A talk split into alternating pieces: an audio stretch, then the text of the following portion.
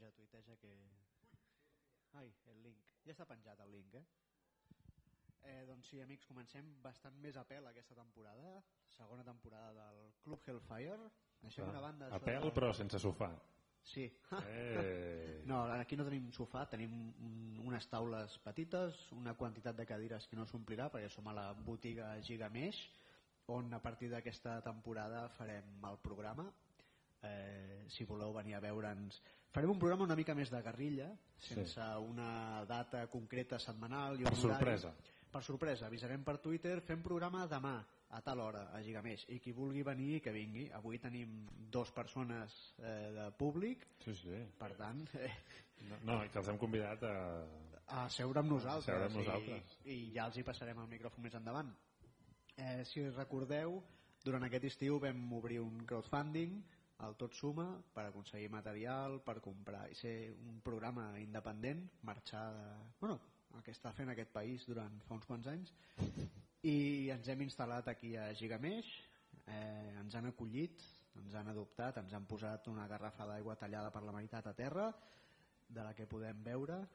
Tenim un calaix amb sorra per fer les nostres coses. Per tant molt agraïts a, a Gigamesh eh, aquest any també farem el programa en un format una mica diferent. Deixem una mica davant dels monogràfics. Això no vol dir que no en fem. Vol dir que en farem menys. Perquè les nostres vides tant la de l'Oriol com la meva es complicaran una mica en- Una mica... una mica en unes setmanes.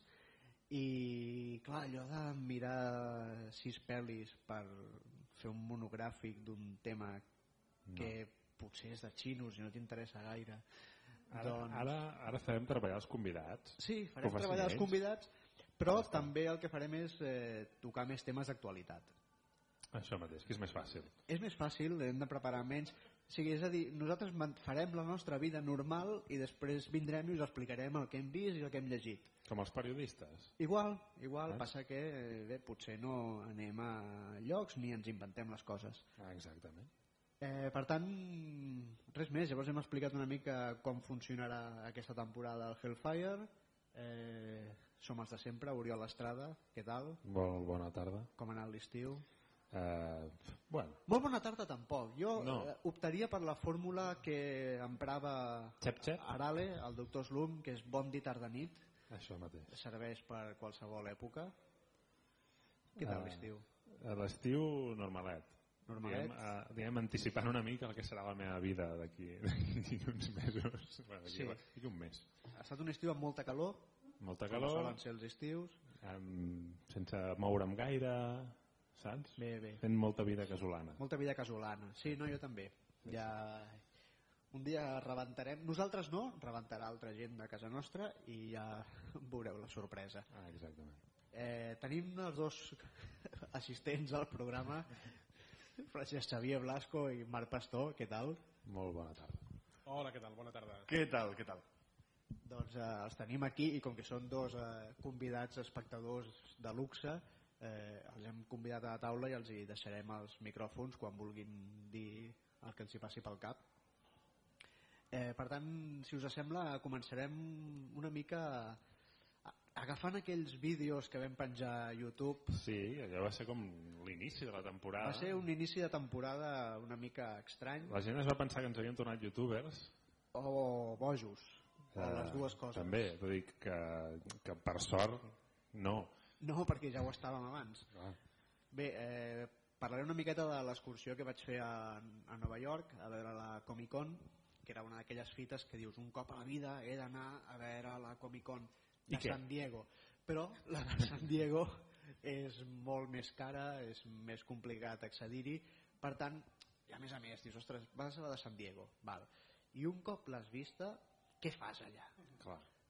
vas a la platja? és que a mi no m'agrada la platja Però és que a més a més, si, si fem cas de Big Bang Theory, trobar entrades és molt difícil triguen, són, duren 3 segons, no? Em sembla... Bueno, Bé, no les de Nova York, mm, jo vaig estar una hora i tres quarts a la cua virtual, les que volia comprar jo ja no les vaig trobar, ja no em quedaven, vaig haver de comprar els dies individuals i es van esgotar una estona després. Per tant, molt difícil no és. Potser canviar el sistema, allò de que mm, tot el món tingui un link, i quan dic tot el món vull dir gent de tot el món, Mhm. i a tal hora tots cliquem el link per accedir potser fa que es col·lapsin les coses però bé, és des d'aquí el, el petit consell des d'algú que només havia viscut al Saló del Còmic de Barcelona i que és una cosa molt diferent a la gent de Nova York. Eh, no tant, home. no tant, bé aquí no has de fer tantes cues.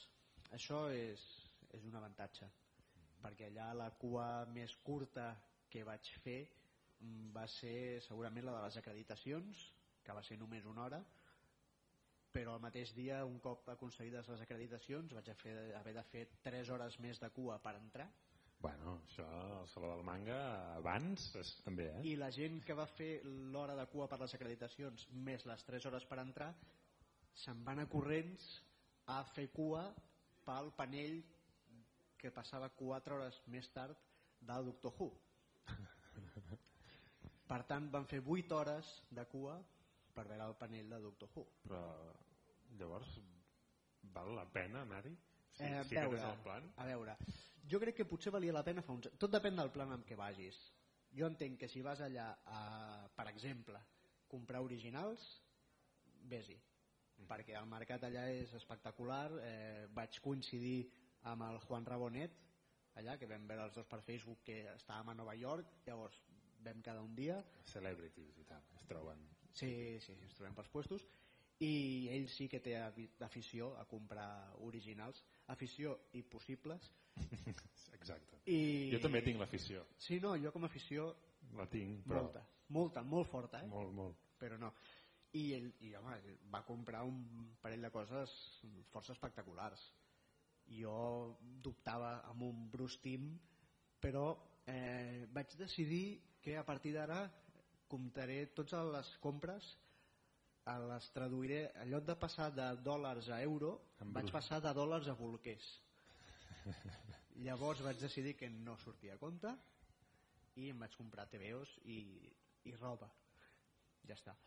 Si vas a mirar originals i a comprar originals perfecte, és el lloc. Si vas a conèixer autors i a demanar-los sketchos i aquestes coses també és meravellós perquè clar, passejaves per l'artista Ali d'allà i jo mm -hmm. vaig parlar amb Arthur Adams, amb Matt McGuinness amb Adam Hughes amb... allà són una mica més accessibles perquè jo recordo, vaig... són molt accessibles jo vaig anar a, a la Fan Expo de Toronto fa mm -hmm. uns anys que tenies el Bill Sienkiewicz també estava allà allà amb una taula i jo com dubtant de, però jo puc anar i parlar amb, amb aquest tio sí, sí, i tant, pots anar fer... ell xerrava amb tothom es feia fotos amb tothom mm eh, et signava les làmines que compraves les venien barates. Ed McGuinness una, una impressió de la portada del número 600 d'X-Men amb l'equip de la segona generació eh, les venia a 10 dòlars. Ja, li vaig dir eh, i és una làmina, és un dinar 3 gros, maco, un paper dic, hòstia, només 10 dòlars? Li anava donant més diners no? i me la va signar i tot o sigui, evidentment, com tots els autors són persones, n'hi ha de més imbècils, n'hi ha que no ho són, però els d'allà són força professionals, estan Exacte. acostumats a atendre la gent. És que el tema és aquest. I a més a més es guanyen la vida també amb això, perquè allà ho pagues tot.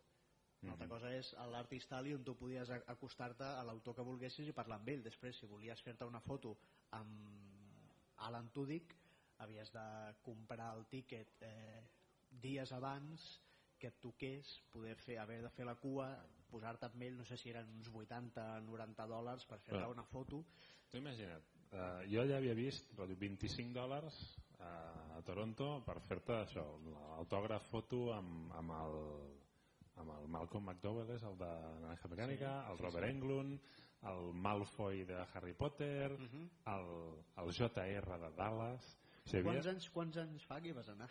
3 anys no? ah, 3 o 4 anys, sí Gerra eh, ja estava... Estava viu, li quedava poc, però estava viu. Sí, sí. Eh, que 25 Tenia dòlars. Un, un peu al, al forat, ja.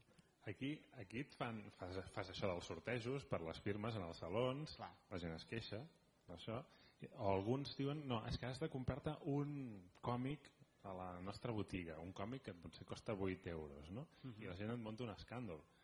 Ah, ja estem parlant... No, no, estem parlant de gent que es, que es treu un sobresou eh, fent això que és la seva feina. Al final tu estàs venent la teva la feina venent dibuixos per tant són professionals, parlen amb la gent són encantadors. Eh, també hi havia Stan Lee que venia als seus pops les seves figuretes 150 dòlars, em sembla que eren.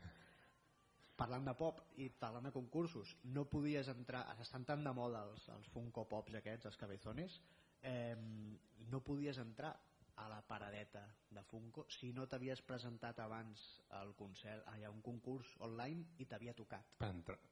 Ara, Déu. Per tant, perquè allà només tenien les figuretes eh, especials que fan per la Comic Con. Ah, És l'única forma que tenies de comprar-les, és aquesta, presentar-te al sorteig, que toqui, que tenir la sort, tenir la sort de poder comprar. tenir la sort de poder comprar. és com el, el súmum del capitalisme, no? És allò ja que puguis comprar és com És tenir molta sort. sent afortunat de pots Perquè comprar les, les altres figuretes que no eren especials de la Comic Con estaven a totes les parades No. i a Aquí 10, hi estan, i a aquí 10, també, dò- i a aquí 10 també. dòlars. Sí, però 10 dòlars. ah, no. Aquí, canvi- aquí valen 13 Aquí valen 13, 15, depèn. no he comprat mai cap, eh? Allà 8, 9 euros. no m'agraden Jo en tinc unes quantes, a casa en som aficionats. sí, sí. no hi trobo el què eh? No et trobes el què? Bueno, escolta. hi ha molt poques que les, el Marc diu també fa que no Uh, vaja, són pinipons per friquis. I, Sí. no, no, no, no és cap, no és cap uh, despectiu, evidentment, aquí tots són friquis, però no tenen... Dius que tampoc no li trobo... No, no, no sé racionalitzar-ho, simplement no li trobo la gràcia. En tinc un parell, però perquè me les han regalat. Ja. Però no li trobo la gràcia, la veritat. Jo prefereixo les del joc d'aquell de, de consola el, el de Disney, Ah, l'Infinity m'agraden molt més Però aquestes ja no en tindrem més. S'han acabat, ja no en fan. Jo he estat recopilant el mercat de Sant Antoni de Mhm. les edicions antigues i Ja. també en tinc unes quantes. Però... bueno, todocolección.net Sí.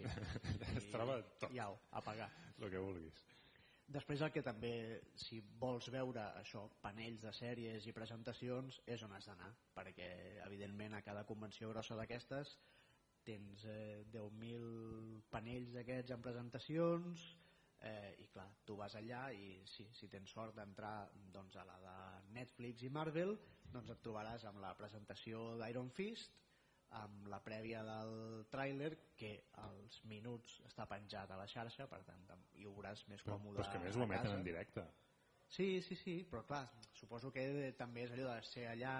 sí, sí, no, Home. jo entenc que, que estar allà i veure-ho en directe fa gràcia però fer 8 hores de cua No, no, amb això estic d'acord, no val la pena.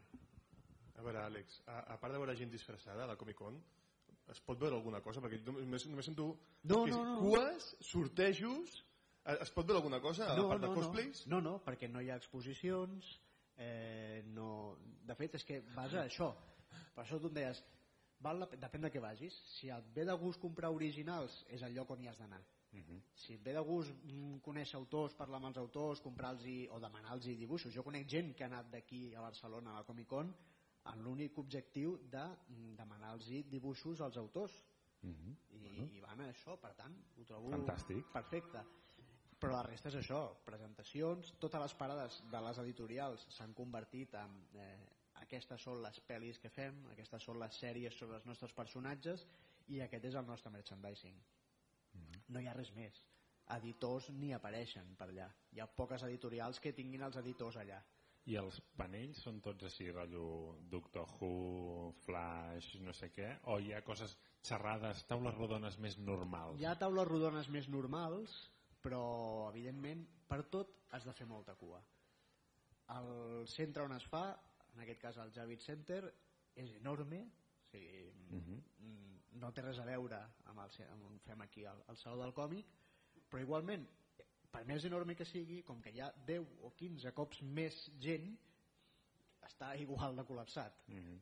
o més encara i com que la gent va doncs això, amb els cosplays i amb armadures gegants i amb coses d'aquestes perquè s'ho curren molt Bueno, aquesta és l'altra cosa, o sigui, és el que passa aquí al Saló del Manga. Al Saló del Manga hi ha gent que només va a veure cosplay a passejar el cosplay o a veure el cosplay. Està allà i socialitzant, ni, ni aniran a veure les exposicions, ni aniran a les taules rodones. però si tu vas al Saló del Manga hi ha llocs on comprar còmics Sí, home, Val. i tant. allà hi havia 3, 4 paradetes que venessin còmics aquest és el que jo dic, ostres però clar, avui en dia és que anar a comprar còmics no vas al Saló del Còmic a comprar còmics perquè d'aquí No. tampoc hi ha botigues si vols Sí. anar a comprar còmics sí, però n'hi ha molt poques comparat amb el que era abans que tot eren paradetes on buscar còmics antics i tot això ha evolucionat ja no és, ja no és això ni allà ni aquí. Ara n'hi ha més que fa un parell o tres d'anys. sí, segurament. Fa un parell o tres d'anys vam tenir un punt molt, molt baix Sí, sí. de còmics al Saló del Còmic i aquest any potser en trobarem més. Però allà ja et dic, hi havia quatre parades en botiga molt amable saben de tot el que els hi demanis. I si no ho tenen ells et diuen però em sembla que la botiga d'allà ho he vist cosa que a mi aquí no m'ha passat mai de recomanar-te que ho compris en una altra botiga però és això vull dir, és merchandising sèries i cinema. I és això i, pues, mira, Marvel va presentar eh, Iron Fist i la sorpresa, oh sorpresa ningú s'ho esperava eh, tots els personatges de Netflix junts per fer The Defenders la sorpresa que sí que va haver-hi al panell de Defenders era que es va presentar qui serà l'antagonista dels personatges en aquesta sèrie serà Sigourney Weaver Mhm. no com a, sí, com a personatge Sigourney Weaver no? No, Estaria no, molt bé ja, no, no, no s'enfrontaran a no, Sigourney Weaver ac- Aclarem-ho. Bueno, per què no no? ho sabem, no ho sabem, perquè no sabem quin personatge interpretarà. Potser Sigourney Weaver. la dolenta. herself. Esclar, per això no, no ens ho han especificat. Per cert, Sigourney Weaver em porta a un monstro viene a verme, un monstro me llama. Me... El pastor s'aixeca se'n va i se'n va. i... Eh, No, no, volem que parlis també. la vaig anar a veure ahir i no m'enganyes més, Bayona. És a dir, no, no, lo impossible ja era un drama. Sí, ja, drama ja et va enganyar una 100%. vegada i has caigut segona vegada. Sí, mm, clar, aquí tothom estava com a fent palles amb la peli, que, oh, que maca, com he plorat. Però a Tothom, casa. Tothom havia plorat. No sé, la gent els hauria vist al cine. Vull dir, No ho sé, no, jo no entro on veu la gent i el, el que fa la gent al cine. Eh, jo dic que fins ara totes les crítiques que havia sentit eren força positives. mm, jo també. Tothom deia, ploraràs molt. És que és l'únic objectiu que té la pel·lícula. O sigui, comences la pel·lícula i eh, directament et, és com si t'apuntés al protagonista des de la, la pantalla i digués vas a llorar, quieras o no. I en aquest cas és, pues no. Pues no. Pues no, perquè si l'únic objectiu que té la pel·li és aquest, perquè el que passa al final de la pel·li ja es veu a venir des del primer moment, dius, mm, doncs no, perquè l'únic que estàs fent és això, és molt maca, té unes escenes d'animació molt ben fetes, molt bucòliques, molt... Sí, però tot té un únic objectiu que és que compris clínex. Sigui per plorar o per fer-te palles de lo maca que és la peli. Però no. Em sembla que el Marc eh, té una opinió similar, potser. O... Em vaig llegir la novel·la abans de veure la pel·lícula. Vaig dir, vaig, aniré preparat. Uh, la novel·la no em va agradar, tampoc. Uh, el que més em va agradar de la novel·la va ser, va ser les il·lustracions. Que, Doncs són- mira, passa com amb la peli, Sí. que el més maco és No, l'animació. les, les il·lustracions de, de la novel·la són, tenen un rotllo gòtic, són blanc i negre, un tema de tintes molt, molt contrastades, i la novel·la em va semblar...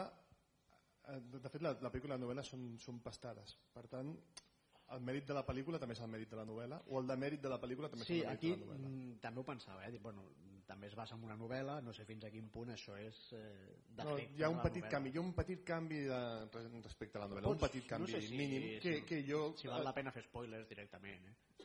si no l'heu vist ja, Està en cartell encara, no? No, uh, res, respecte a la novel·la, trobo que és evident que és una, és una història que està, és creada per una dona que, que va, ten, va tenir càncer, va morir de càncer abans de que es pogués eh, publicar la novel·la. No ho hagués dit mai veient-la.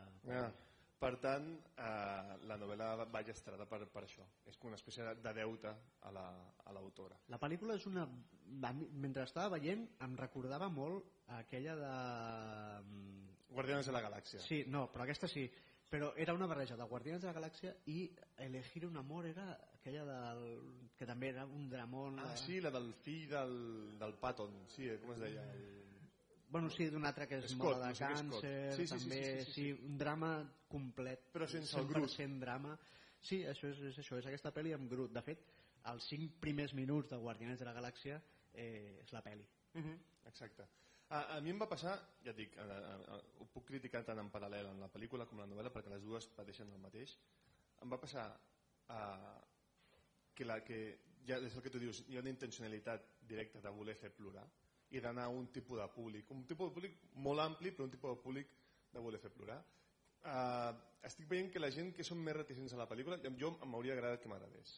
No, jo anava amb, amb ganes de que m'agradés. Jo hauria volgut que m'agradés, eh? però No era jo que... que... a vegades anem al cine de te voy a coger i... Sí, doncs el tipus de públic a qui no li està agradant som un tipus de públic que tampoc no, no acostuma a veure, a veure drames. Llavors, aquí potser l'element fantàstic del monstre, i després parlaré del monstre, l'element fan fantàstic del monstre ens ha arrossegat a un tipus de públic que no hauríem anat a veure aquesta pel·lícula d'una altra manera. Um, per mi, la I, tam- novel·la... i, La novel·la... el, I el hype també Sí, no, evidentment, molt, eh? evidentment, sí, sí, sí. sí. perquè, clar, la nueva de Bayona, Sigourney Weaver, i venga tots a veure-la, eh? perquè l'has de veure, s'ha de veure. Sí, és la pel·lícula fenomen. No ho trobo malament que hi hagi una pel·lícula No, no. espanyola que sigui pel·lícula fenomen. No ho trobo trobo molt bé. malament, eh? Ara, estaria bé que... que després que com- complís. sí, exacte, que complís les promeses uh, trobo que amb Un monstre viene a verme hi ha diferents problemes de base un, a la novel·la i per tant a la pel·lícula és que les tres històries que explica són una merda. Sí, i no tenen cap mena de relació. I em dóna la sensació, i això t'ho dic com, personalment com, com, com a escriptor em dóna la sensació que estan improvisades. I m'explico. Són històries que diu, he de ficar històries tipus història de fades però no sé què vull explicar. I se les va inventant. I després s'ho fa venir fa, fa una excusa argumental per dir que sí que té relació amb els seus sentiments. Però en realitat són històries que se les ha anat inventant sobre la marxa. Són històries de merda i el que et ven a dir és, és que la gent és, són persones i ja sí, està. clar, el missatge tampoc Podia, no, podia haver dit això, és sí, que el missatge podia estar, no, és que la gent som així. sí, sí, accepta-ho no? i estal, t'estalvies tres quarts d'hora de pel·lícula. Clar, a mi el que em passa amb això és que em recordo una mica missatges tipus Spinoza, tipus l'alquimista de Paulo Coelho, clar, dir que llegeixes Paulo Coelho, ara està, en certa manera està mal vist, dir que veus Bayona no ho està, però el missatge de la pel·lícula segurament és molt, molt semblant. Segurament el missatge de la pel·lícula Mostra Viene a Verme és bastant millor que el de Coelho, eh, també. Però, però si rasques una miqueta és molt semblant. Sí. Uh, les històries són una merda. Després, uh, flagrant, absolutament flagrant, no és un monstre. És un arbre, és un ent, sí. és Groot. És Però un no és, àrbol bien a verme. no és que, de fet, uh, sí, és un àrbol bien a verme, exacte.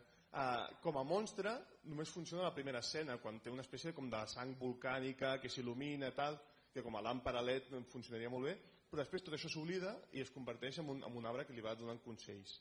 Mira, Cancino, saps? O sigui, no, no, no assustes. Per sort es mou més ràpid que un ent, Sí. que això que ens estalviem, perquè La- si no t'agafa aquesta clar. novel·la Peter Jackson i per cada història et fa una pel·lícula, eh? I la pel·lícula ja em va semblar prou lenta, prou lenta com perquè a sobre te l'expliqui un ent. No, és que és prou lenta perquè no passa res. No, no, no, s'està morint la mare i es mor la mare, sí. bàsicament.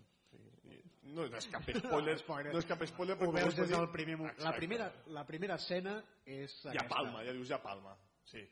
Llavors, clar, la combinació aquesta d'un ritme lent, d'anar un, destinat a un públic d'elegir un amor, d'un monstre que en realitat no és un monstre. Aquí, per exemple, a la novel·la surt un monstre al final. Quan... Me fotré spoilers. Quan ell accepta, ell accepta el seu monstre, per dir-ho així, La part del cementiri de la pel·lícula, que hi ha l'esfondrament del cementiri, que és un abisme, que està caient a l'abisme, a la novel·la és un monstre, un monstre negre. I, de fet, a mi em va agradar bastant més a la novel·la, perquè dic, aquest és el monstre que he de veure. Sí. És aquest. Aquest, el monstre del càncer, del que li, li vulguis dir, de, de la desaparició, de, de, del, del que vulguis dir. A la novel·la es transforma en un abisme, molt bé, és molt mig, però, clar, el concepte de monstre desapareix. Llavors és això, les històries, el que no és un monstre, el que és lent, el que, el que va destinat a, a, a provocar la, la llàgrima, sincerament, a mi em va... Bueno, la meva dona es va dormir a la pel·lícula i jo em vaig avorrir molt. no, nosaltres dos ens vam avorrir molt. Pel·li d'Oscars, no, llavors? Vull Sí. dir, compleix tot per ser la típica pel·li que s'emporta sis estatuetes al final.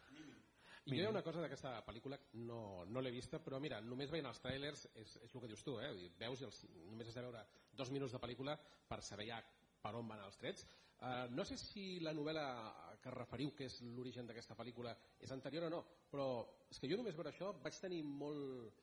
Um, vaig veure molt, molta similitud, i segurament potser tu també ho has vist, amb Cazador de Monstros, del Ken Nimura, que també... Perdona, Soy una mata gigante, no Cazador de Monstros, exacte. Soy una mata gigantes, Exacte. eh, que vull dir, té un argument bastant semblant, Sí, no? Dir, veus sí, sí. molts paral·lelismes. No, no, no, ja et dic també, no sé res, he vist, he vist els trailers. De fet, jo el primer trailer el vaig veure fa un any i mig a l'estudi de DDT, d'efectes especials, que jo vaig veure trossos del monstre aquest i era l'únic que sabia d'aquesta pel·lícula. Vam anar allà pel tema sobre el còmic i vaig veure allà. Uh, però bueno, l'espoiler aquest que heu fet jo ja m'ho imaginava, no? És que amb el tràiler ja t'ho està dient. No sé si la mare en algun moment tus. Allò, ho fa? Sí, Sí? hi ha una escena eh, molt en ruix de... Pues ja Ai, està. Eh, bé, és puto sanguinolent. Tu has vist mai sèries de TV3? Sí, no, si algú tus sang és molt... gent quan... no, no, no cal que tossi sang, només que tossi una mica, és aquest tres capítols i està mort, no? Per tant, no, és bastant evident. No sé, jo re, recomanar, soy una mata gigantes, que en Nimura, que a més van... Qui, quin premi va guanyar? No, no, ha guanyat un, no, el premi de, del Ministeri de, de, de Cultura japonès va guanyar un premi, vull dir que cuidao, eh?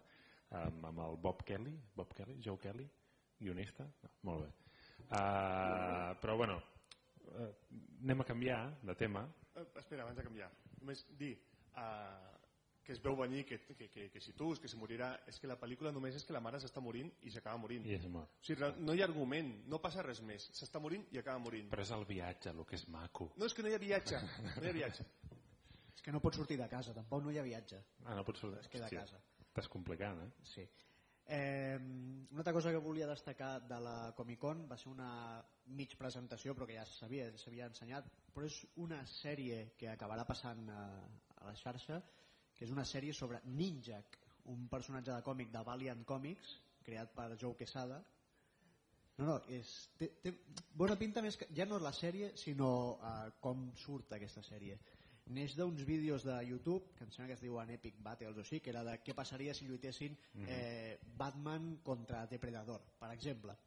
I era una gent que es dedica a fer efectes especials per pel·lícules, eh, treballen amb molts eh, dobles d'aquests d'acció i recreaven aquestes batalles de forma molt espectacular. Llavors aquesta gent han contactat amb Valiant i estan desenvolupant una sèrie de Ninjak, que segurament és un dels personatges més coneguts, tot i que o segurament és dels pocs que s'ha editat aquí i que es pot conèixer d'aquesta editorial. I la gràcia és que serà eh, igual com es fan aquells còmics que es feien abans de Punisher destruir l'universo Marvel doncs aquí és Ninjak contra tot l'univers Valiant. Eh, Exo Manowar eh, Archer and Armstrong Bloodshot ja, tots els personatges de l'editorial apareixeran a la sèrie i no sé ben bé com serà aquest argument però a veure, l'argument no serà molt complicat el que estarà bé segurament és l'acció Mm -hmm. perquè és Bueno, a mi m'hauràs de fer un curset per conèixer els personatges de, de Valiant, eh? Perquè no. Aquesta és una altra. Eh, aquí només ens arriba Marvel i DC amb això- comptagotes. però això de vegades és bo. Bueno, Valiant hi és. Qui, sí, qui, qui Valiant, treu hi Valiant? és. No, no et sabria dir qui, qui treu Valiant aquí. Però bueno, eh, vull dir que en sèrie hi és. No, no, i, i està molt bé que també es produeixin sèries, tot i que més petites, d'altres editorials, que no siguin les Perquè això grans. pot ajudar. El, el fet de no conèixer els còmics, de vegades... Ajuda. Que diguis, Què oh, estàs que... dient? Que si coneixes els còmics, les sèries són dolentes? No, estic dient que de vegades la gent és com Guardianes de la Galàxia, ja que ho hem nombrat. És a dir, Ahà. com que mm, no conec l'original, em sembla molt original el que estic veient. Ja. I com que no he llegit els còmics, no puc ser un, el típic friki que critica perquè el còmic és millor. No, no. bueno, No, no, no, està, està molt bé, si la gent no té criteri i s'ha perdut una de les millors sagues que ha publicat eh, Marvel en els darrers 20 anys, jo, jo ho dic no és culpa meva. que per ells és millor. Dir, dic que és un punt a favor seu. No, no és a favor, perquè el jo la vaig disfrutar igual. El punt en contra és que... Arriba un punt on el, has de fer, el, i això ja fa temps que anem defensant, la desconnexió de sèrie de còmics i sèrie televisiva, perquè si no estàs tota l'estona criticant i no val la pena, no ho gaudeixes. No, s'ha de fer, s'ha de fer. Eh, hi ha altres coses a destacar d'allà. Bé, eh, l'estrena de les un sèrie, i la unificació de les sèries de l'univers DC, Mm -hmm. ara amb la nova temporada de Flash i sobretot bueno, la univers CW, no? Diuen. CW, ara sí, definitivament, perquè Supergirl s'ha incorporat a l'emissora i han estrenat la segona temporada amb la incorporació de El Superhombre, que és aquest Batman xicano. El Batman turc. Tu, tu has vist la foto Sí, del Batman turc? sí, és un- És, és clavat, eh? És Batman turc, però també té una mica de xicano. És un... No, perdó, Superman, estem parlant de Superman. Sí, sí. No Batman. No, no, però tinc... Ah, el Superman turc, sí, perdona. Sí, sí. El Superman turc, és que el Batman turc és el més famós. Ja. Però No, el Superman turc. És... Busqueu sí. Superman turco, busqueu Superman Supergirl. S'ha incorporat Superman a la sèrie de Supergirl. Aquí mm, potser els lectors de Superman s'ofendran, però Jimmy Olsen és més gran, corpulent i alt que Superman, Sí. però és el que té. I és negre. I és, i és negre, però eh, no és un ajudant de periodista, sinó que a més a més és un No, no. molt més caché que el dels Sí, sí. còmics. Com a... No, és que també la imatge clàssica de Jimmy Olsen Ja és molt difícil tenir-la avui en dia. vull dir, Sí. els becaris d'avui en dia van de guais. Sí, no, això, el de Jimmy Olsen seria més sadomasoquisme ara, d'esclavisme, no. Superman i això. Un típic nerd, cutre... Però bé, s'ha estrenat la nova temporada de Supergirl, ja han anunciat el crossover de les quatre sèries, amb Arrow i Legends of Tomorrow i Però, però Flash. Arrow quan es cancela? Vull dir, Eh, esperem que aviat, vale, vale. perquè els extras d'Arrow acaben passant a la de Ninjak, perquè qui interpreta Ninjak era el Deathstroke d'Arrow, em sembla. No, però el problema per mi és que, clar, jo miro de Flash i, i Supergirl. Sí, jo també. Clar, L'Arrow surt No mires Legends of Tomorrow, que és el Doctor Who de... a poc a poc, a poc a poc. quan quan m'avorreixo molt i no tinc d'allò, miro algun. Ah, He vist record- tres. Recorda aquesta frase, Oriol. Quan m'avorreixo molt, recorda-ho. Recordaré, recordaré. Uh, clar, el problema és això, no? que, que es fan els crossovers i surt l'Arrow i l'he de veure. Però has de veure eh, l'episodi aquell, ja està. Cap surt. I llavors ja és com... Però, a veure, m'estàs dient que és nou per tu seguir un crossover de diferents col·leccions i haver de comprar una col·lecció que no seguies per assabentar-te No, de què perquè va? no he comprat Arrow. Amb, o sigui, vaig veure els dos primers capítols d'Arrow i Però això és el dir, que portes fent tota la vida Sí, llegint prou. còmics. Sí, sí, però dic que vull que cancel·lin Arrow d'una vegada perquè no es coli a Flash. Perquè li fa molt mal a ell, a l'actor d'Arrow, que es coli en Flash, perquè ja tens intèrprets amb certa solvència. Bueno, però fa que els que a nosaltres ens agrada quedin millor. Sí, això és veritat. Jo lamento portar a les notícies, però si és pel públic objectiu d'Arrow, jo conec moltes telespectadores que estan No, fascinades amb Arrow. Per tant, Sabem que s'aguanta per això. exacte. Potser, potser no som nosaltres el públic potencial. No, no. De fet, tampoc som el públic potencial de Supergirl. No, Però, però com que està ben feta, però aquí estem. Aquí està la diferència. Eh, un altre tema que volia comentar de Nova York, ja fora de la Comic Con, és que donen, ah, has d'anar a Midtown Comics i tot això i tal. Mm.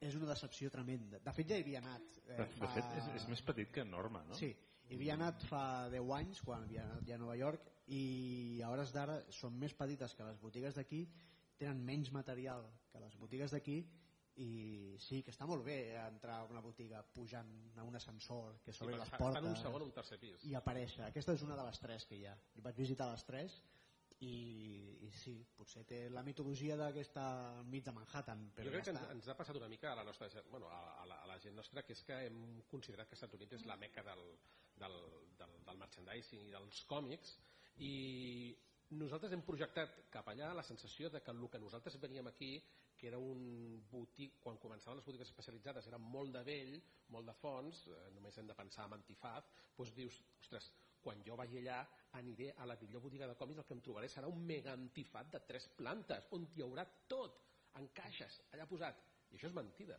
No, dir, eh, estem veient que el, que el que es fa allà és precisament el, el que ha començat a passar aquí amb, amb, al llarg del temps que el, el còmic ha anat donant pas moltes vegades a bo- botigues grans on trobes molta tassa, molta figura, molta samarreta, molt d'aparel, molt de que, tot, però és que ni això. i, i el Perquè còmic eh, intensament. tot això de les samarretes, les tasses, tot això, acaba, està passant a la banda online.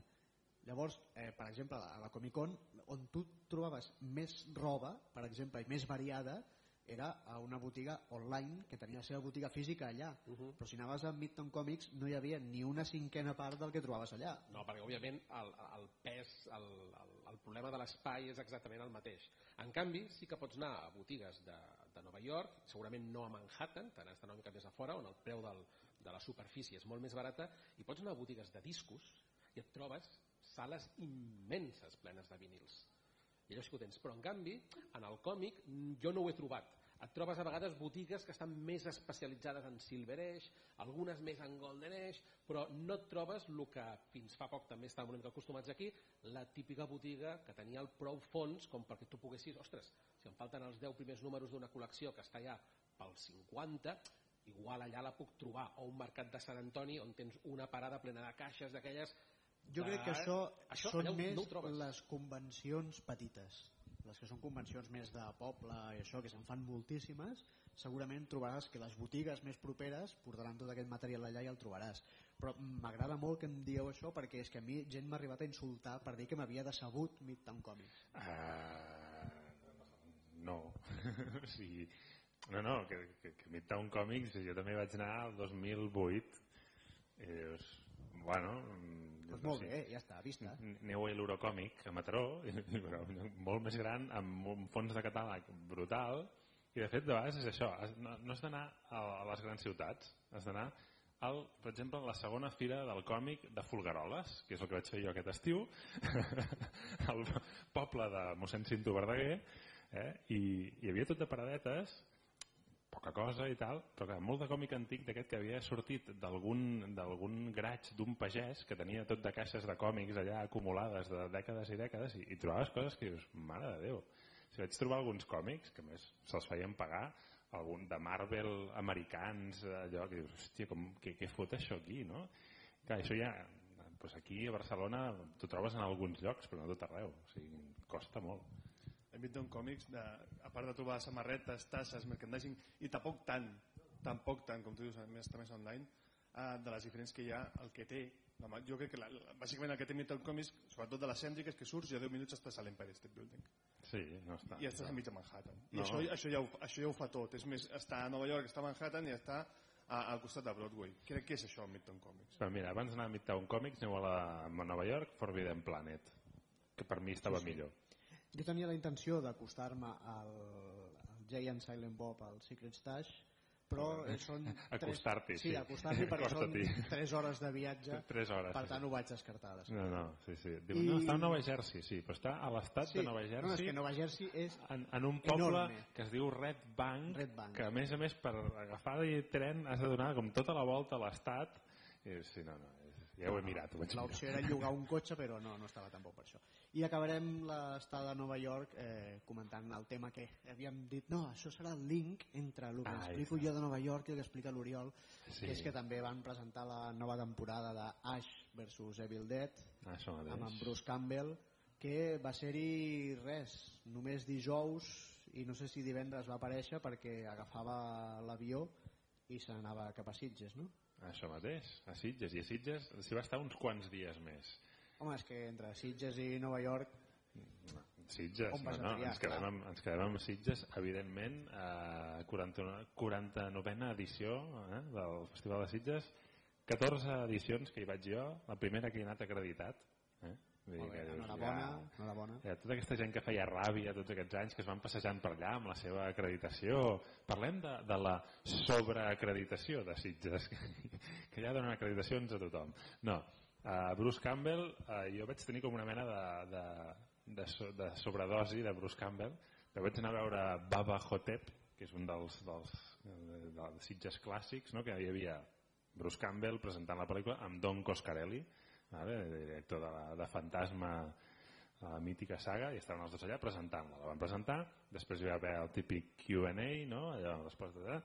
després van sortir a firmar, eh? cosa que totalment inesperada, i a la nit eh, vaig anar a veure Terraformers de Takashi Miike i eh, allà estava Bruce Campbell perquè li entregaven el premi La màquina del temps. No? El tio va estar va dir, o sigui, comença el discurs dient uh, m'agrada que em donin aquests premis allò que no són allò que no és un Òscar perquè en els premis petits uh, no pots dir, bueno, va dir en anglès no pots dir merda no? o sigui, fent el joc de paraules de no podies dir merda i no podies dir gairebé res perquè el temps estava molt d'allò. En canvi aquest premi puc dir el que vulgui. Va estar mitja hora parlant. Clar que sí, o sigui, tu tens l'àvia, tens, la, tens un micro, tens Sí, gent sí. que té ganes d'escoltar-te, hòstia, i tant. No, no, i de fet, mm, de, diguéssim, jo vaig anar a veure Terraformers, que és una adaptació d'un manga dirigida per Takashi Miike, i el millor de, diguéssim, de la projecció, que era el premi i la projecció, va ser eh, Bruce Campbell, perquè la pel·li en si doncs, bastant, bastant avorrideta, no, no calia, eh, però bueno, diguem que els que hagueu vist a Bruce Campbell amb els seus traductors, sabeu el malament que els hi fa passar en els traductors, perquè és un tio, bueno, en fi, uh, no sé si tu el vas veure per allà en algun... El vaig veure de lluny, però evidentment s'havia de fer molta cua i vaig desistir. Hòstia, doncs mira, Sitges... Sitges va ser com el quart o el cinquè... No, hi havia molta cua, eh? Però no, va ser, va ser interessant. No havia vist mai aquesta Baba Hotep, no sé si l'heu vist algú. Tens en? L'has vista? La tinc en DVD, te la podia haver deixat i t'haguessis estalviat la pel·lícula. És simpàtica, a veure Sí, sí, la vaig veure una vegada. La tinc en DVD i la vaig veure una vegada. Eh, amb això t'ho dic tot. El que passa que venia, sí que venia com amb aquell d'allò de, de, oh, que és de culte i tot això, i ho vaig trobar com una pel·lículeta... Bueno, l'Elvis no està mort i està en un asil i hi ha una mòmia que desperta. Jo crec, crec que és una premissa molt, molt xula i desaprofitadíssima a tots els nivells. I s'acaba convertint en una pel·lícula avorrida i rutinària. Lamentablement, perquè dius, tinc a Elvis, tinc a Kennedy, tinc a, tinc a, a la Marilyn per allà, tinc tothom, tinc mòmies i és, és, és, és, és molt avorrida. No ens flipem una miqueta amb el tema Sitges també, ara fan Sitges classes i això ho posen a l'auditori i tal, no? Però això és car de Brigadun. Eh? Els que sàpiguen de què va Sitges ja saben quina mena de cinema es fa allà. És com la premissa... És el típic argument de, de Brigadun. Aquesta premissa que em dones em recorda aquella dels nazis a la cara fosca de la lluna, sí. que també també era una premissa de dir, hòstia, aquí pots fer de tot i la pel·li després no valia un duro. Però aquella pel·li era gamberra. La Bubba Hotep no és ni gamberra, és una pel·lícula de geriàtric.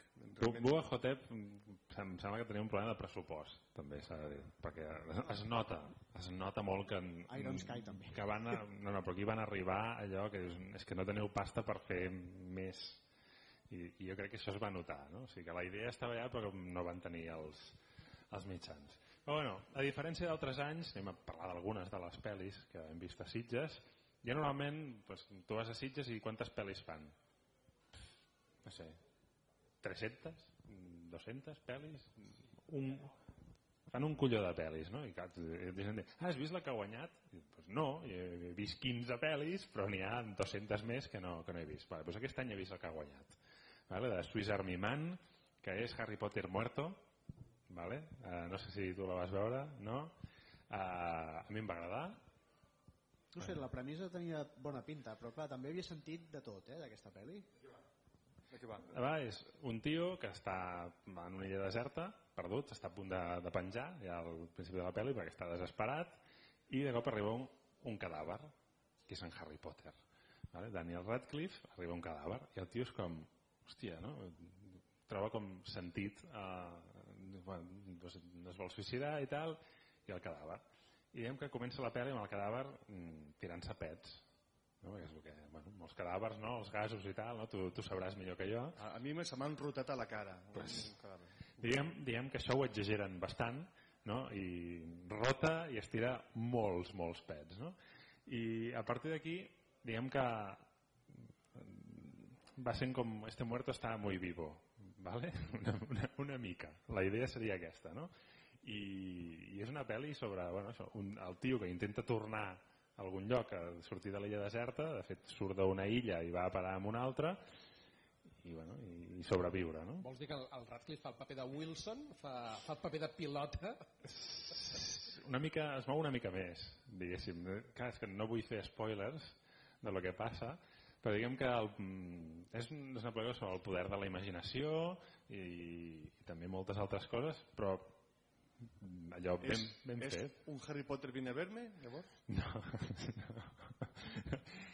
De Harry fet, Potter viene a olerme. Sí, sí. De fet, veu, es veu el cul de Harry Potter bastantes vegades i és bastant peludet, eh? No sé si era el seu cul o era un típic doble de cul i és bastant peludet, eh? No, és que no he vist cap més pel·li d'ell. No entraré a valorar, no ho sé. No, I tampoc vull imaginar-me ara... No. Però hi ha molta gent que la pel·li no hi ha entrat perquè és escatològica. Pues, bueno, tens un cadàver que el vas arrossegant amunt i avall tot el, tot el sant dia, eh, pues sí, escatològica ho és, clar, ho ha, pues que ho ha de ser i crec que és la gràcia. I si tu prens, si tens aquest si pots... Jo, a veure, jo És que quan, aquí ah, és que els catalans, l'escatologia... Ah, ah. jo depèn de com, si, un, si el pet està ben posat i ben sonoritzat, jo ric. Jo ric, jo, soc, jo sí, jo pedopis, pues sí, jo ric. No? Vale, Però és molt pedopis, la, la peli? Mm, Al principi- L'humor es basa en això? Al principi sí, una mica, però després mm, eh, Evoluciona. evoluciona bastant. Doncs i, ja està. I de fet hi ha, hi ha molt més a darrere de, de tot el O que sigui, el que explica. està bé és que evolucioni, no com les pel·lis que al primer minut ja veus el que passa. No, no, evo- evoluciona i a més amb un final que... que- Eh, Està bé. Diuen que Sand Sundance va guanyar dirà, el millor director, que de fet són dos directors, eh, però que la gent marxava de la sala. Què, què dius? Però la gent marxa de la sala per tot. Jo recordo quan Aníbal, gent que surt i vomitant i... Sí, no. Però dir que jo no sé com pots sortir de la sala per un, per un pet, saps? Per això has de sortir de la sala. Això et fa tant de fàstic que és... Per favor. Mira, no, no, ens, no ens posarem a valorar el públic en general perquè llavors... El públic de Sundance, a més a més, no? que sembla que cada vegada és més... Bé, un altre que, va, que vam veure aquí, vam veure junts, a més a més, va ser el 31, el 31, la nova de Rob Zombie. Uh, no sé si hi ha gaires fans de Rob Zombie aquí. Uh, jo confesso que no n'havia vist cap encara de Rob Zombie. Jo, la seva carrera musical me la conec perfectament, però no la de director. Perdona, és com les dues primeres o com les dues últimes? Però no n'hi no ha tres. Aquesta és Deien, la quarta, no? deien, deien que s'inspirava més amb les primeres Mm. i a mi m'ha acabat semblant igual que les últimes. Uh, a mi va ser molt decepcionant per mi. Sí, sí, sí, sí, Eh, totalment. és una pel·li amb una bona introducció que t'a- que t'atrapa i fins i tot et diria que al final mm, ho salva una mica però tot el del mig és, Aporta molt poc. és perseguido Sí, és una miqueta Running Man, ja ho has vist bastant, o dir, barreja so i Running Man una mica, amb una mica de l'histrionisme del, del paper que juga aquí, aquest estil Air White Chat de tio ric que s'entreté amb, amb camareres que ensenyen els pits i enanos vestits de, amb librea, saps? Vull dir, bueno, amb aquest, un aire molt, molt estrany, no? però és per donar-hi aquest punt que dius, bueno, si tingués algun sentit tindria sentit, però No, el, això, posa per una, pura, per, una, per una pura forma estètica. són els típics rics que paguen per fotre una gent en un, no un laberint ben bé a una fàbrica i, i els hi van enviant assassins i ja està i aposten a veure qui es morirà abans i tothom Però- sap des del principi de la pel·lícula que Qui? morirà tothom i que la dona de Rob Zombie no A mi em recorda una sap mica no? Lords of Salem, també pel·lícula del Rob Zombie, que em va decepcionar bastant, perquè tenia tots els elements, totes les peces de les típiques pel·lis de uh, bruixes que retornen del passat no? i possessions infernals i tal. Molt bé, tenia totes les peces, hòstia, però no les muntava bé. És aquelles pel·lícules en què ah, ara passarà això, que és collonut. Ara, com ho muntes dins la trama perquè, hòstia, t'agradi que allò passi? No passa res. Jo ho foto aquí i tira milles. Amb la qual ni tu emocionalment estàs preparat perquè aquell personatge o se sacrifiqui o el mati, se te'n fot tres pitos perquè no t'han mostrat res d'aquell personatge, amb la qual tota la càrrega emocional que hi podria haver-hi de tu identificar-te i una miqueta anar-te submergint en aquest univers escabrós fins al final estar tu content o no si la protagonista se salva o no, se te'n fot moltíssim. Crec que m'estàs parlant d'Esquadrón Suïcida. Però a Lords of Salem hi havia... La pel·lícula és una pel·lícula fallida, però hi havia punts que funcionaven molt. El tema de l'ús de la música, el, el tema d'aquesta atmosfera estranya, a mi em va agradar. La pel·lícula en si va fallar, però hi havia punts. A, a, a 31 té aquests punts també o ja directament s'ha diluït en, en, en un altre director més? És que no ho sé, és això, jo, jo crec que té les peces, perquè hi han coses que funcionen. Per exemple, la introducció està molt bé. El problema que de la introducció és que si te la fa un dels assassins, ja, ja saps que aquell assassí, doncs, bueno, almenys ha sobreviscut a tot això. Però hi ha elements que és això, et semblen bé, mm, situacions... Són clichés, junta tota una sèrie de clichés. Alguns són bons clichés, altres no són tants. El problema és de que no els argumenta, els va llançant i van passant, i això et, et sap greu.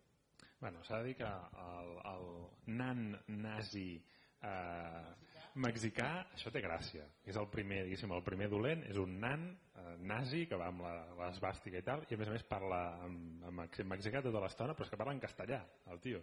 I a més, no està ni... Però castellà de veritat o castellà com el Pablo Escobar de Netflix? No, no, jo crec que, que sí que era un mexicà allò, bastant d'allò, passa que costa d'entendre'l. I a més a més, no posaven subtítols en anglès, o sigui que la gent, els, els americans que l'hagin anat a veure, bueno, deuen saber ja molt de castellà o alguna cosa, però Per lo que ha de dir. sí, tampoc. Està bé que ho hagin fet ara abans que hagi guanyat Trump, que si no, que si és mexicà no podrà entrar. Exactament. Si és Ah. nazis potser sí, però si és mexicà no. Bueno, si és, si, és, si és gay sí, però si és català no, no? Això que sortia l'altre dia sobre Sí, l'Iceta. també. Bé, eh, jo volia parlar de dues pel·lícules més de Sitges. Una d'elles és la meva preferida que he vist a Sitges. Direu que estic esbiaixat, però, però no, que és Shin Gojira, o Shin Godzilla, que és la nova de Godzilla. Vale, vale, molt bé. Eh, Un senyor amb un pijama de plàstic. eh, No és un senyor amb un pijama de plàstic? Costa de dir, aquí. Sí? Costa de dir? Crec que hi ha escenes... És de goma? Crec que hi ha escenes que és de goma, però amb retoc digital. Retoc digital que, o sigui, estaria molt bé que fessin el Godzilla en 3D, però amb cremallera a l'esquena. Fet en 3D, és a dir, no, simulem un senyor disfressat. Bé. En fi, és una pel·lícula que eh, és de parlar, una pel·lícula de parlar, parlen molt, parlen... Godzilla parla també? Mm, bueno, el seu crit habitual, Ah, val, val. el gran aport de diàleg que hi ha, parlen molt eh, i és una pel·lícula sobretot sobre política japonesa, bàsicament. Bé, però escolta un moment, a veure, eh, aquí el públic s'està posant les mans al cap, però si hem destacat, vam destacar eh, Civil War i Winter Soldier per ser pel·lícules polítiques sent de superherois, per què no li podem donar un, No, un vot és- de confiança a. Godzilla perquè ens expliqui la política japonesa? Perquè aquelles no eren de parlar. No, a veure, Godzilla, de fet, eh, la gent té una idea equivocada, perquè les pel·lis dels 60 que van començar a fer per nens de Godzilla sí que sortien molta estona els, els bitxos fot, fotent-se d'hòsties i tal, amb, els, amb les cremalleres i tot això, no? Però l'original de Godzilla, tu comptes quanta estona surt Godzilla? Que l'original és una pel·lícula de terror, i surt molt poc, i, i bàsicament són els científics i els polítics discutint què han de fer. Doncs aquesta, com a nou origen de Godzilla que és, diguéssim, eh, Shin vol dir nou o autèntic, uh -huh. vol dir les dues coses, també, diguéssim, un missatge per, per Hollywood, el d'autèntic, no? Uh, és una... És, és, uh, la- L'original de Godzilla parlava de, de, de, evidentment de les bombes atòmiques i, i parlava també dels bombardejos eh, a Tòquio, etc. Parlava d'aquestes coses. No? Aquesta parla del tsunami, parla de Fukushima, eh, i moltes de les imatges que surten són imatges que resulten familiars de lo que has estat veient, no? el, el primer ministre vestit de blau, hi ha algunes imatges que jo és que gairebé posaria la mà al foc que s'han anat a gravar eh, al nord de Japó, allò, amb totes les destrosses del tsunami, és una pel·lícula que parla d'això i de com els japonesos s'enfronten a això i com els polítics mm, busquen solucions a, a tot això. Passa que és Godzilla. Com a kaiju, per això, funciona o no funciona? Per mi sí. Per mi, per mi sí, però és que, que és la idea que tingui cadascú de què és un kaiju. Saps? I, I de fet és, és que parlen molt. Sí, parlen molt, però tot el que diuen té molt de sentit. No? I és una, per mi és una bona manera de portar-ho al segle XXI. En, aquestes pel·lícula, en aquesta pel·lícula és, llavors, si, si fa com una mena de nou naixement i, i té com a referent l'original, és, és, és la humanitat contra, contra Gojira, no? en aquest sentit. No hi ha secundaris, no hi ha No. monstres secundaris, No, no, no, no. motres, etc. No? I No, és no. La gent enfrontar-se a Godzilla. Hi ha, hi ha una cosa nova perquè, de fet, té sentit de l'humor, eh, la pel·lícula, eh, i fins i tot se'n riu d'ella mateixa. Dir, com que hi ha tots aquests rotllos de polítics eh, caminant per passillos tota l'estona i et diuen passillo de la quinta planta de no sé què. Doncs, I surten els polítics parlant, doncs hi ha un moment, després que han fotut no sé quants rotllos i han estat discutint, et surt un cartellet que et diu resumiendo. Saps? Vull dir, Bueno, està bé que s'ho prenguin. no, s'ho pren amb sentit de l'humor i, i, de fet, la primera aparició de Godzilla fa riure. Bé, això també passava amb l'última versió cinematogràfica. Bueno, l'última intentaven bueno, presentar-te una mena de déu... Eh, Sí, però el, segon cop que te'l presenten, que tornen a fer com si no l'haguessis vist, el tornen a presentar de nou, Eh, sí. ja dius, mm, perdoneu. I jo estic esperant un nou, una nova versió americana de Godzilla, però agafant aquest esperit que dius tu, però amb Donald Trump de, de president, Bueno, la- la Godzilla- decidint sobre què han de fer amb Godzilla. Godzilla 2 l'estan gravant ara a Xina, em sembla, eh? Vale. que, cuidao, amb Gareth Edwards també, eh? de director, eh? No, però uh, aquesta, aquesta, no, no, et dic jo, i, i més, més d'algú d'algú se sorprendrà veient-la i si la veu amb aquest, home, veient que, uh, està parlant de Japó, has de conèixer què ha passat en els últims 5 anys a Japó per, per entendre moltes coses, però a més és, de la, bueno, és del director d'Evangelion, la saga Evangelion, es nota, perquè més ell és un fan de tot el rotllo kaiju i això es nota molt. I algun moment d'aquests que la gent a Sitges va aplaudir, un moment de, de Godzilla diguéssim liant-la que la gent realment va aplaudir. Li trauria 15 minutets. D'aquí, d'allà, fan d'aquí, trossets o... Trossets, Sí, val, trossets, val, val. és a dir, trossets una mica redundants, però sí, sí. Vale, molts planos repetits, no? D'aixafant la mateixa caixa de cartró No, pintada. converses, converses, converses repetides. No, no, tot, tots els minuts de Godzilla valen la pena. I l'última que volia parlar, eh, senyor Terrence Malick, eh, no sé, no em pregunteu per què vaig anar el dissabte a veure un puto documental a Sitges. Perquè et deurien sobrar 20 minuts, perquè fa pel·lis molt curtes. Sí.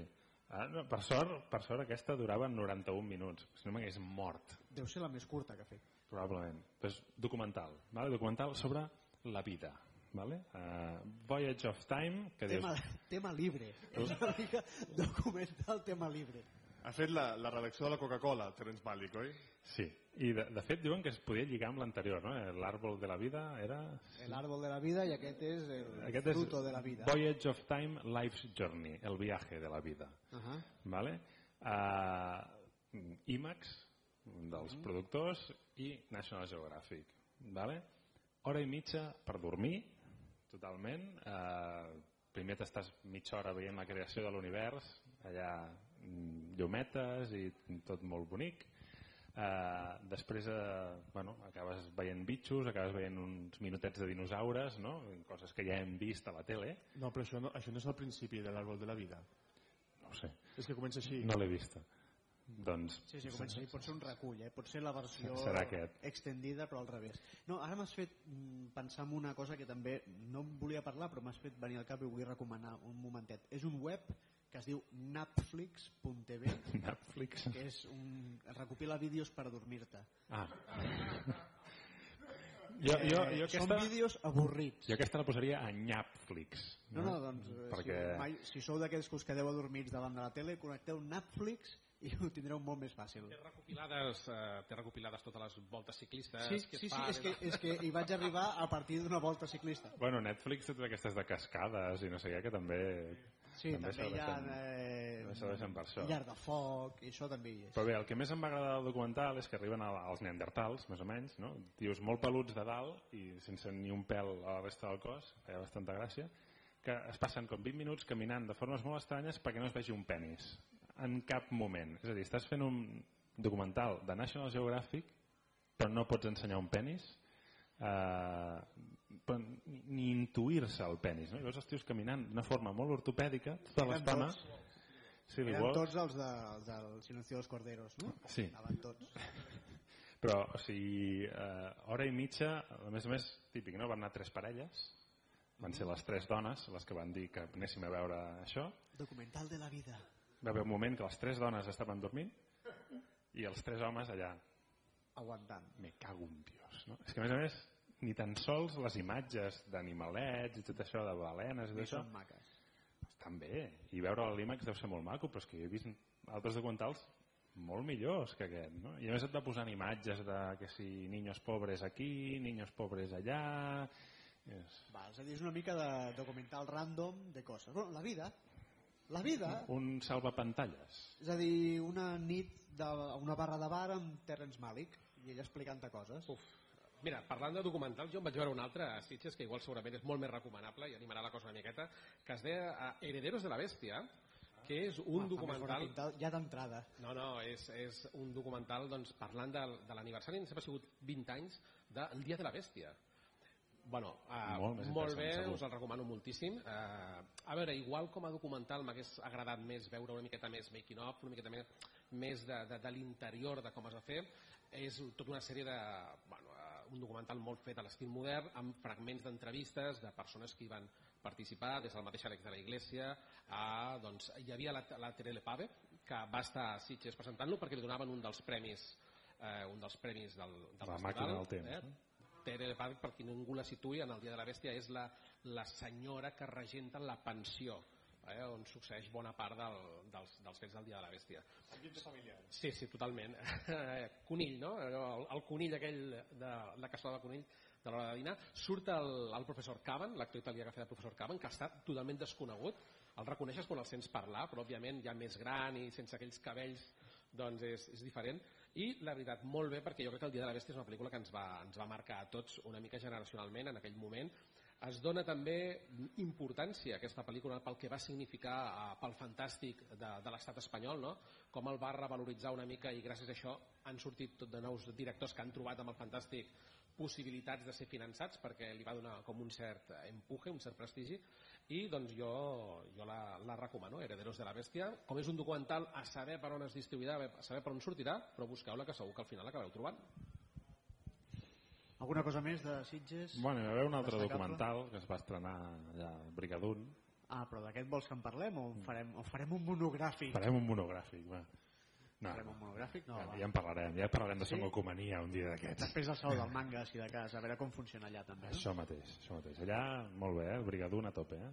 Molt Sí, bé. que molt content. Doncs aquest any, com que el format també ha canviat una mica i el que abans era el final del programa, el todo lo que mola, todo lo que jode, ve a ser una mica ja tot el programa, Ah, exactament. doncs hem, hem decidit acabar recomanant un còmic. Sempre recomanarem un còmic. Sí, Cadascú, cadascú. cadascú. Qui comença? Comença tu mateix. Vinga, va. Què Uh, bueno, com que s'ha parlat tant de, de Stranger Things, eh, és la, la sèrie de, del moment, tot i que ara Westworld sembla que ja ara s'ha de parlar de Westworld, No, és la sèrie que hagi tret nova Netflix. Va ser Stranger Things, va ser The Get Back, També. eh, Luke Cage, però veus, Westworld, el curiós és que ja es parlava com que seria boníssima abans de que s'estrenés, eh? Vull dir que... Sí, En fi, jo encara no l'he vist, eh? No, jo, bueno, Stranger Things, molt bé, Paper Girls, Bé. eh? que és el còmic aquest que està tenint Planeta ara, en grapa, cosa estranya, tornem a la grapa, eh, s'han publicat tres números ja, i Paper Girls, pels que juguéssiu a videojocs, és versió femenina dels Paper Boys, eh, que són aquests que reparteixen diaris eh, als típics barris. i- Búscate la vida. Exacte, exacte. Uh, però en aquest cas són tot noies les que ho reparteixen i, i diguéssim que es troben allà amb no sé, coses estranyes no? i m'ha recordat molt l'esperit aquest vuitantero Stranger Things i a mi per ara, he llegit els dos primers m'està agradant bastant, bastant, bastant Molt bé. Eh, doncs jo porto eh, la les, mm, versió còmic de les novel·les de Parker, en aquest cas l'adaptació d'en Darwin Cook, dibuixant que ens va deixar no fa Mhm. gaire. Eh, són quatre novel·les adaptades als còmics, eh, l'ha tret aquí Astiberri, amb quatre llibres, però el que és destacable és l'art de Darwin Cook, que és meravellós, aquell estil clàssic que li dona eh, rotllo anys 50, anys 60, els mobles, l'ambientació, tot això és meravellosa. I com que és un home que ve també del món de l'animació, són unes novel·litzacions molt dinàmiques, és, hi ha molta acció, i la veritat és que si us agrada aquest tipus de dibuix és molt, són molt maques. De fet, estan publicades en blanc i negre i un color, hi ha només un sol color que li dona aquest punt de, de contrast o de, de relleu, el blanc i el negre, i són, són molt recomanables si, si us interessa.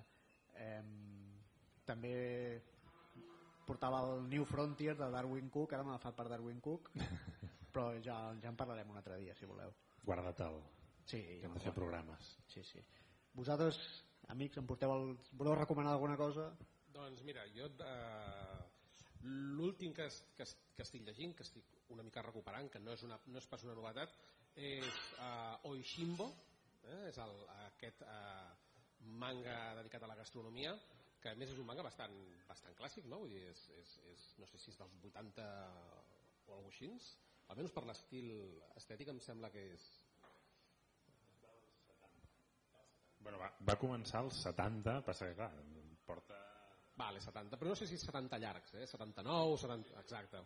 I estan publicats aquí, són 5 volums, cadascú té el nom d'un plat, no? hi ha el de les begudes, el del sake, el del sushi, i tot gira al voltant doncs, d'aquell doncs, ingredient al que es dedica aquell volum i estan recopilats. L'única cosa curiosa és que et dona la sensació, el primer volum, que comença ja zip, llançat, dir que aquí igual s'han deixat tres números o alguna perquè comença la història no, no. com molt, molt al mig, com si hagués començat, però, però a l'inici però sí, et dona la sensació que igual et falta un número o dos. És que falten. Vale. És que falten. És a dir, eh, que porta aquest manga encara s'està publicant.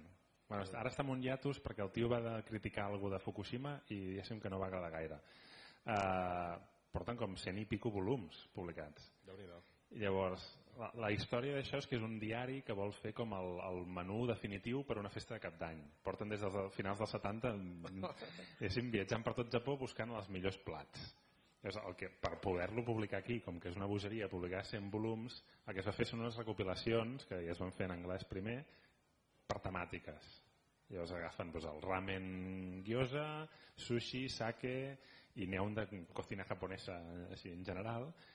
Clar, llavors aquest passat és que sí, que, que salta, l'argument salta i des de cop uns personatges que abans eren, doncs eren col·legues ara estan casats, saps? I dius, què ha passat aquí? Però és per això, no? però la gràcia és un, és un manga culinari, és un còmic per sí, sí. aprendre sobre cuina i de fet eh, no, bueno, no, ja el Chicote el recomana i està, està molt bé, a més hi ha aquesta, aquesta lluita una miqueta entre un, un fill i un pare eh, al respecte de la gastronomia que es van trobant de forma recursiva. Jo he dit que estic tres volums, em sembla que n'hi ha cinc de publicats i el trobo que està molt bé.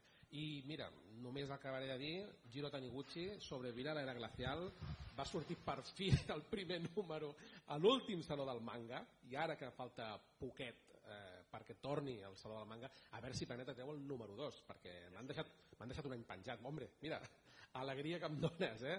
però sí, una història també amb molt esperit dels 80 trobareu una ciència ficció pues això, amb aquest sabor bastant d'abans eh? en una situació doncs, bastant eh, gairebé eh, postapocalíptica per la situació extrema en la que estan vivint en aquell planeta i és això, eh, trama eh, corporativa, lluita de la supervivència entre persones, ho trobareu una miqueta tot i aquest look, aquest esperit també una miqueta doncs, eh, de l'Otomo no d'Akira, sinó més aviat de l'Otomo de Madre Sara, no? estèticament i potser una mica amb l'argument us hi porta i a mi bueno, porto 30 anys esperant que es publiqués em publiquen un número, em deixen feliç i després, apa, un any sense treure'l ole. però bueno, gràcies que sortirà el número 2 i els que no hagueu vist ja sabeu, només són dos números o sigui que la podeu agafar fàcil i són només 8 números i cada capítol té, té, també comença té com a títol a un plat de cuina japonesa i és l'Hombre Sediento, la que jo recomano. De Kazuo Koike i Goseki Kojima, que ho acabo de llegir a Goodreads, està molt bé. Uh, cap al 1700... Són, són els de Lobo Solitari sí, tot, tothom m'ho eh? diu, no tinc, no tinc ni puta idea tothom m'ho diu, no, no, no, no, no ho he llegit jo ho llegiré, ho sento, jo vaig a la biblioteca i ho agafo tot. Això està a la biblioteca es pot agafar d'allà. Oh, serà, serà. Uh, vaig veure que de samurais em va cridar l'atenció i vaig agafar-ho uh, cap al 1700 uh, en, entra el nou shogun que és una mica, una mica papanates i agafa, contracta un catador perquè li, perquè li provi i li tasti tot el, tot el menjar perquè creu que el volen enverinar. Aquest catador és un màquina, és un super samurai que no només és un super catador sinó que és, és la rehòstia en vinagre. I a més és el fill del Shogun. Bueno, aquest paio es dedica a follar-se tot el que es mou, a matar tots els ninjas que pot i ha pelat en samurais com pot. M'està encantant, va ser bàsicament, no, no puc demanar més. I ja sé, que no, ja sé que només és còmics, però vull reivindicar 12 monos la sèrie, per favor. O sigui, s'ha de veure sí o sí. Ja en parlarem, ja farem un programa de sèries actuals. Que, que consti i... que jo no he recomanat cap manga i aquí els dos sí, sí, han recomanat. És no, molt no. estrany això, eh? Està... No, però ja està bé que algú, programa nou, eh? que algú hagués parlat de Xinos. Bé, doncs eh, deixem-ho aquí, no? No sí. tenim res més a, a comentar de, bueno, ara, podríem sí, seguir, podríem seguir moltes, moltes les hores que vulguis, però, però hem de fer més programes, hem de descansar, sí. hem de tornar a casa. Eh, per tant, moltes gràcies, Francesc Xavier, Marc, per venir de públic a visitar-nos el primer dia. Eh, moltes gràcies a Gigamés que ens han demanat que diguéssim que a la propera Eurocon d'aquí a Barcelona el dia 6 de novembre, que és diumenge la botiga estarà oberta Hombre, per tant, ja que ens acullen i hi haurà signatures l'amic Marc em sembla que el tindrem aquí signant molt bé. per tant, eh, ja Veniu. sabeu veniu, és un diumenge eh, Gasteu. no teniu res més a fer, veniu compreu, mata, compreu coses Quin dia, quin dia has dit? 6 de novembre 6 de novembre, molt bé. l'Eurocon és el 4, Podeu, 5 podeu i 6. venir perquè ja ha passat el Saló del Manga. ja ha passat el Podeu saló, teniu venir. saló del manga després teniu l'Eurocon i enganxem amb Nadal Vinga, i ja Així està, de perquè. Nadal és ja demà. ja estem posant els llums moltes gràcies per escoltar-nos i ja sabeu, apareixerem eh, quan puguem, us avisarem eh, ataquem ara, guerrilla, Sí, programa marxem, vinga. ens retirem bomba de fum, puf, desapareixem No, abans de desaparèixer durant un temps en tindrem uns quants programes, Sí, ja veureu. No patiu. fins la propera Apa. adeu